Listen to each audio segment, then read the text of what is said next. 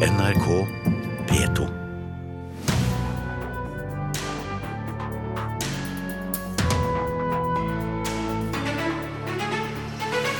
Jonas Dahlbergs minnesmerke på Sørbråten skrotes. Statsbygg anbefaler regjeringen å legge 22. juli-minnested til Utøykaia, erfarer NRK. 25-årsjubilanten Norwegian Wood satser på norske artister, men sliter med billettsalget. Kapasiteten er 8000, men det er klart vi er langt unna 8000. Og angrepene mot IS-hovedstaden Raqqa pågår for fullt, men vi vet lite om hva som egentlig skjer. Området er for farlig for journalister.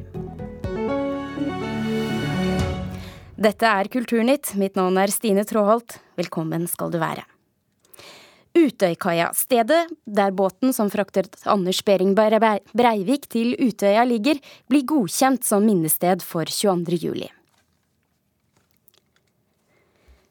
Det er, etter det NRK erfarer, konklusjonen i en rapport som Statsbygg leverer kommunalministeren torsdag denne uka.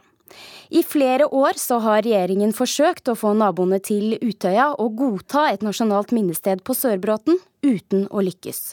Og nå som Utøykaia blir godkjent av Statsbygg, må også Jonas Dahlbergs kontroversielle minnesmerke skrotes.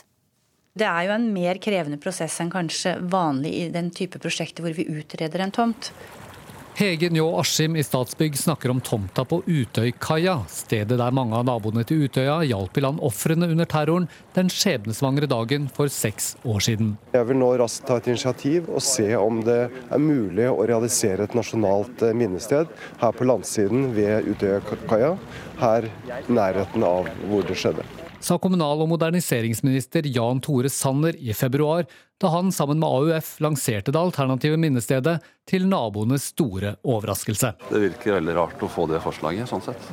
Direkte dialog ja, men... hadde vært uh, veldig bra. Torsdag denne uka blir Utøykaia, etter det NRK erfarer, offentlig godkjent av Statsbygg som et egnet minnested for 22.07 ved Tyrifjorden. Dermed kan Sørbråten-minnesmerket, det som skulle skjære Odden i to og som naboene vil gå til rettssak for å få stanset, være et tilbakelagt kapittel. Det var viktig for Statsbygg å involvere flest mulig denne gangen, sier Askim, klok av skade. Vi har lagt opp til at vi skal høre på alt som kommer opp av kommentarer, synspunkter og innspill. Men mange av naboene er skeptiske også til Utøykaia som minnested. Mange er jo mer positive til dette stedet enn Sørbråten.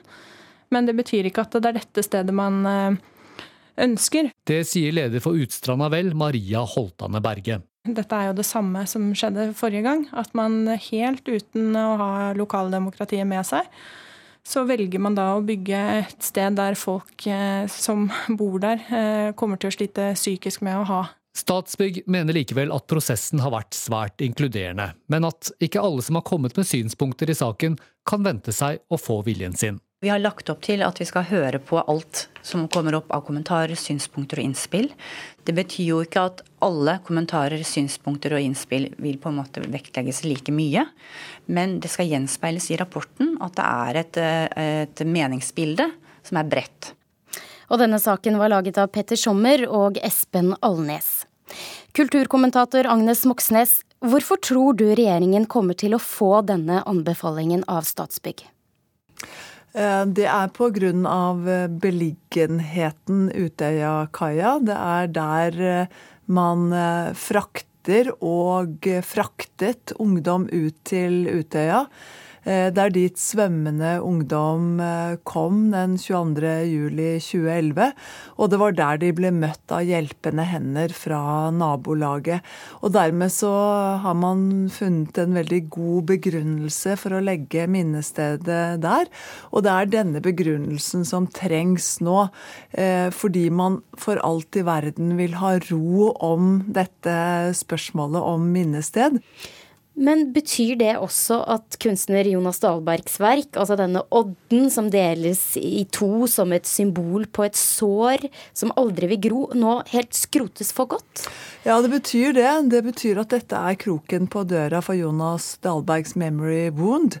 Eh, og mange vil jo oppleve det som tragisk i seg selv, fordi det verket har på sett og vis satt en ny standard for hvordan man skal utforme sånne minnesteder, og at det er blitt et veldig sterkt bilde på både sorg og savn. Men samtidig så har det skapt eh, mye reaksjoner og uro. Og vi vet jo at allerede i vinter så var regjeringen med kommunalminister Jan Tore Sanner villig til å ofre det for å få naboene til å droppe sitt søksmål mot staten. Blir det noe av nå? Ja, altså Hvis Statsbyggs anbefaling blir tatt på alvor eh, av regjeringen, så betyr det i realiteten at naboene har vunnet sin sak mot statens plassering av et minnested etter 22.07. Eh, det er nok helt sikkert også naboer som ikke er fornøyd med eh, det forslaget som nå kommer. Eh, de ønsker også å utrede utsikten, altså finne et stille sted mye lenger opp, nærmere riksveien. Og det kan nok virke som det er det man nå går for, det er at man får et lite minnested, et, et forsiktig minnested eh, nede ved Utøyakaia, men at man lager en fin rasteplass oppe ved riksveien på et stille sted der, hvor eh, de som kjører forbi og har lyst til å sette seg ned og tenke over det som skjedde på Utøya i 2011, at de også får en plass. Og det vil jo virke veldig avlastende på trafikken ned til nabolaget ved Utvika. Men kommer de nå til å følge disse rådene fra Statsbygg? Ja, Det vil egentlig overraske meg veldig hvis de ikke følger dem. Eh, for hvis de holder fast de, på de planene som er lagt eh, så langt, så må de også regne med at eh, naboene gjennomfører søksmålet sitt mot staten. Eh, det kan bety flere år i rettsapparatet og en voldsom belastning selvfølgelig både for de etterlatte etter 22.07, men også for eh, naboene, for eh, hele nabolaget og Hole kommune, og for regjeringen. Og dessuten syns jeg at det forslaget om å legge minnestedet til Utøyakaia, det er et godt forslag. Det skulle selvfølgelig kommet for lenge siden, men jeg tror at med den kunnskapen man nå har, så kan det bli et bra sted både for eh, naboer og for eh, pårørende. Tusen takk, kulturkommentator Agnes Moxnes.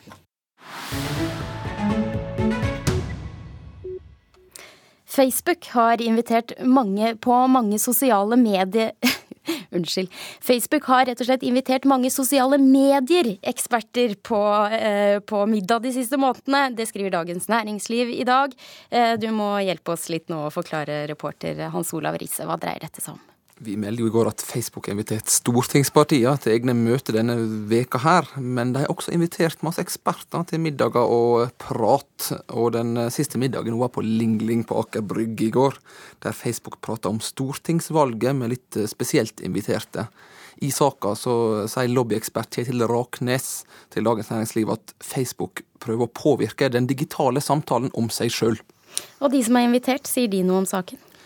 De sier at denne middagen og disse spesielle invitasjonene ikke påvirker deres meninger om Facebook. Eh, lobbyeksperten eh, mener derimot at utsagnene er bare tøys, og viser til sosialpsykologien, som sier at folk blir påvirka av påspandering.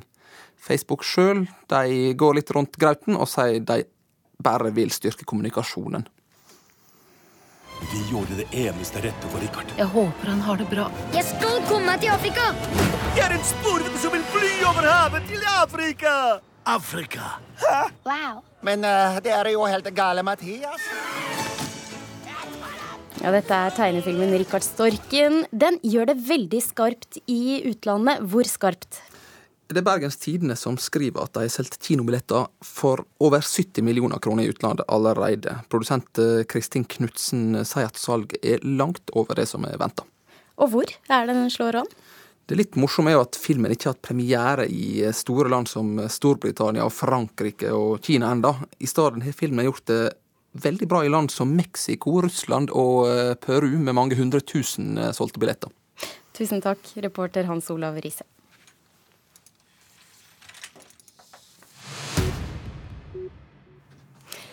Det avgjørende slaget mot Raqqa sies å være i gang. Den syriske byen ble erobret av IS for tre år siden, og terrororganisasjonen regner byen som sin hovedstad. Og Den siste uken så har det blitt meldt om kamper mellom IS og en amerikanskstøttet kurdiskdominert milits. Men de store oppslagene og tilstedeværende journalister mangler. Midtøsten-korrespondent Kristin Solberg, du er med oss nå fra Beirut. Hvorfor vet vi så lite om det som skjer i Raqqa? Ja, tilgang er, er, nøkkelordet når vi snakker om, om Raqqa. For den er ikke-eksisterende for, for, medier eh, der nå. Vi ser jo at tilgang for, for, journalister og uavhengige observatører har vært utfordringer i, i hele Syriakrigen. Det har vært farlig i, i, opprørskontrollerte områder og vanskelig med visum og tilgang i, i de myndighetskontrollerte. Men den er ekstra ille i, Raqqa eh, fordi det er et, eh, et IS-kontrollert kontrollert område der, der opprørskrigere kjemper eh, mot IS. Og det gjør noe med, med mediedekningen. Og Hvordan jobber du for å kunne dekke dette nå da? Ja, det er jo en stor utfordring. Eh, og jeg vil si For meg personlig er dette noen av de vanskeligste krigene å dekke. Det er jo de krigene hvor man ikke har mulighet til å være der eh, selv. Eh, I en krig så er det mye propaganda, mye usannheter, overdrivelser. Slik at det er, det er svært viktig å være på bakken selv og, og, og kunne danne seg et bilde av, av det som skjer. Når man ikke kan det, så må man jo prøve etter beste evne å dekke det på avstand eh, ved å eh, få, få uttalelser fra de eh, krigende partene. Det er også noen ulike aktivistgrupper som, som, har folk på bakken som kan gi en slags motstemme til, til de militære.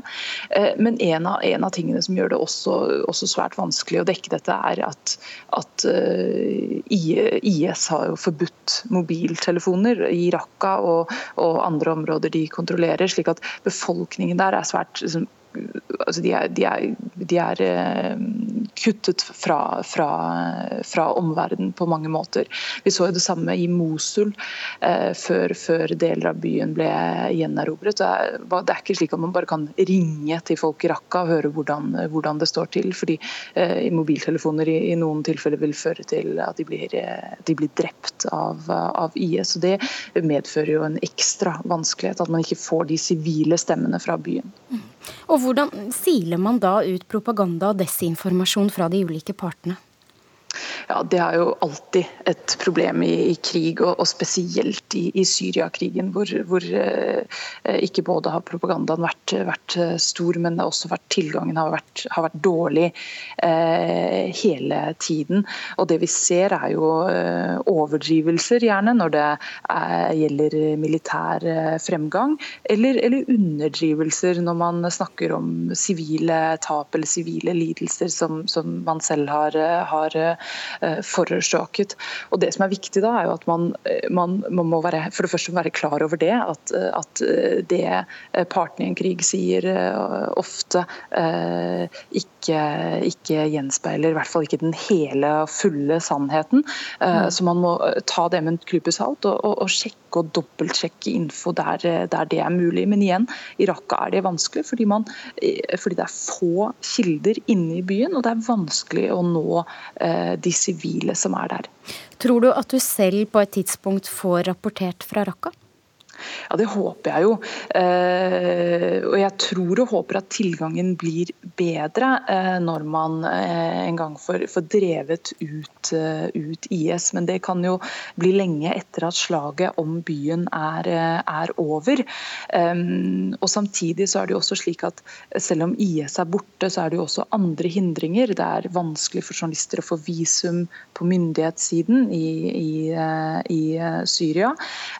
Og man først visum, så er det eh, også en lang rekke andre begrensninger eh, på journalister. Altså Man må søke om tilgang, tillatelser for å komme til, til, steder. Det er ikke alltid de tillatelsene blir gitt. Og man må også jobbe med en, eh, en såkalt minder fra, fra, fra myndighetene for å, for å, passe på at man ikke trer over de grensene som er satt. Slik at det er, er mange utfordringer knyttet til det, selv om man skulle komme fysisk til byen.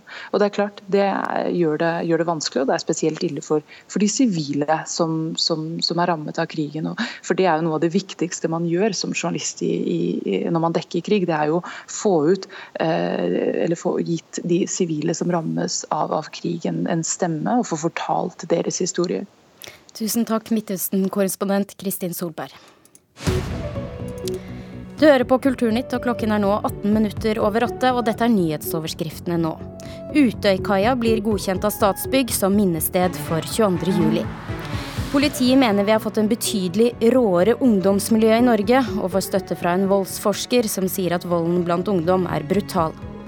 I dag endrer Stortinget konsesjonsloven. Nå kan landbrukseiendommer bli rettere solgt til utlendinger. Torsdag starter 25-årsjubileet til Norwegian Wood, en av Norges lengstlevende festivaler. I år består festivalen kun av norske artister som Susanne Sundfør, Raga Rockers de Lillås, Lillebjørn Nilsen og Jaga Jazzist. Men billettsalget til festivalen har så langt gått trått.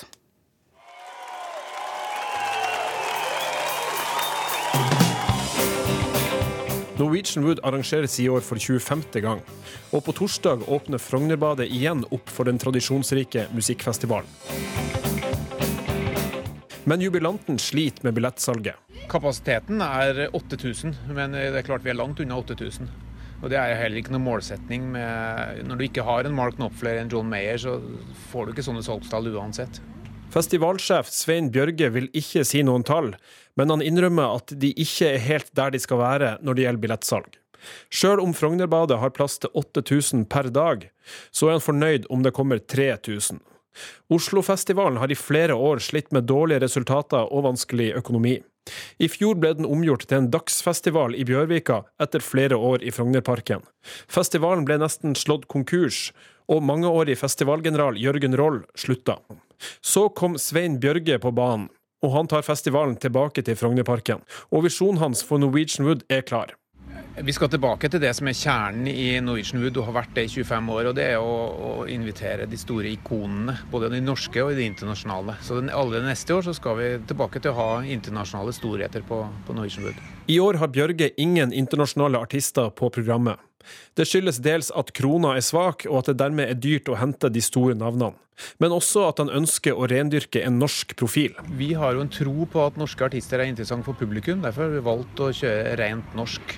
Mats Borch Bugge, som er musikksjef i P3, blir ikke sjokkert over at billettsalget foreløpig har latt vente på seg. De har eh, åpenbart eh, slitt med å få eh, et program som på en måte står i stil med tidligere Norwegian Wood-festivaler. I tillegg til at de har en veldig sterk konkurranse i andre festivaler i Oslo-området i akkurat det samme tidsrommet. Og da tenker jeg på Piknik i Parken og over Oslo spesielt. Jeg tror at Norwegian Wood er avhengig av å ha de eh, store dragerne på plakaten som festivalen har vært kjent for å ha tidligere. Men Bjørge tror at billettsalget vil løsne fram mot festivalen. Det er jo typisk med Norwegian Wood at det er eh, mye billettsalg i dagene før, dvs. Si dagene her. Eh, og det tror vi det blir også. Nå har jo sommeren endelig kommet. Vi sitter her i solsteiken, og det er meldt 20 grader på, fra tirsdag. Så da tror jeg også det klikker inn mentalt hos folk at nå er sommeren kommet, nå skal vi på Norwegian Wood. Reporter Oddvin Aune. Og mens vi snakker om festivaler, 171 norske festivaler har søkt om til sammen 182 millioner kroner i støtte fra Kulturrådet. Men det er bare 139 millioner kroner å dele ut. Det skriver Aftenposten i dag. Den nye festivalstøtten erstatter den gamle ordningen med 15 utvalgte knutepunktfestivaler, som fikk direkte støtte over statsbudsjettet. Pølsemake, pølsemake, hvor har du gjort av deg? Pølsemake, pølsemake, du må ha bort av deg. Ut av syne, hvor skal det begynne? Ja, kjente tone for mange. I sin nye bok så blander forfatter og kunsthistoriker Lars Mørk Finnborud historien fra denne kjente norske klassikeren, filmen og boka Den forsvunne pølsemaker. Og dette klarer han å blande sammen med en fransk kubistmaler ved navn Amadé Osenfant. Og akkurat det så høres ut som en ganske original sammenblanding, anmelder Leif Ekle. På hvilken måte gjør han dette? Ja, Originalt er det utvilsomt. Eh, det er eh, Hva skal jeg si? Det ligner på en måte veldig på Rocambole Pedersens bok fra 1919. Den heter altså 'Den forsvunne pølsemaker' av mesterdetektiven Stein Rasks opplevelser. Rocambole Pedersen het for øvrig egentlig Lorentz Kvam. Uh, og dette ble jo film, da, med Leif Juster, som vi akkurat hørte. Eh, denne historien handler eh, Det er en komisk eh, slags kriminalroman om en forsvunnen pølsemaker og et mysterium som kanskje er kobla sammen, kanskje ikke er det. Og slik er det også her i Osenfa. Osenfa. Og denne gangen er det altså Osenfa som er forsvunnet. Han han befinner seg i det han, han, selv forteller, så befinner han seg i en meget penibel situasjon. Han eh, er innkapslet i noe slimaktig, hinneaktig, som han forsøker å kommunisere igjennom. Eh, mens eh, Stein Rasks eh, motstykke i denne boken, den, mest, den nye, moderne mesterdetektiven, heter Ambrosius Fjord. Han får da i oppdrag å finne Osenfa, fordi når han forsvinner, så er det store prosjektet eh, ute å kjøre. Og det er jo da det store prosjektet det handler om. Ja, og Boken heter som du sa altså Åsen Fa, Åsen Fa. Hvem ja. er denne Åsenfa? Ja, han er, eh, han er eh, et forskergeni. Ehm, helt alminnelig i ungdommen, så plutselig da han er eh, på videregående, så, blir han genial. Han utvikler først som 19-åring FFI, det betyr Fri for intelligens, og er et slags, skal være iallfall, et slags svar på de plagene dyrene utsettes for når de kommer i industriell kjøttproduksjon, særlig kyllinger. Og dette, han utvikler altså en produksjon der du kobler fra alle følelser, altså et lite snitt der oppe i hodet. Så, så vil dyret bare vegetere og ikke føle noen ting, og da kan du stort sett tilby det hvilke vilkår som helst så lenge det vokser. Eh, og Dette blir da utgangspunktet for, eh, for det som kommer etterpå. Og, vi er over i en slags eh, eh, endetidsgreie med hvordan skal vi klare å, å skape mest mulig næring, mest mulig mat, med minst mulig plager. Det er utgangspunktet. Men, men, dette blir også en slags parodi, da. Det er jo det det er. Det er en parodi på, på vår tid og på vår voldsomme interesse for oss selv. Og vi kommer til poenget, eh, nemlig at mennesket har ikke bare én hjerne, det har to. Den andre hjernen er, sitter der nede, eh, er smørt utover innerst i tarmen. Og Osenfa er den første som klarer å snakke med sin egen tarm. Og akkurat så sprøtt er det. Leif Ekle, du skal få lov å oppsummere til slutt. Det høres ut som en morsom bok. Er den kun det, men også velskrevet? Ja, velskrevet er den. Og, og dette grepet med å, å, koble det til Den forsvunne pølsemaker er riktig morsomt gjort. Altså, det er mange passasjer, kommer stadig igjen. Eh, velskrevet er den, og, og, det er oppfinnsomt gjort. Eh, og veldig originalt. Hvor dypt det er, kan vi jo selvfølgelig diskutere. Tusen takk, litteraturkritiker Leif Ekle.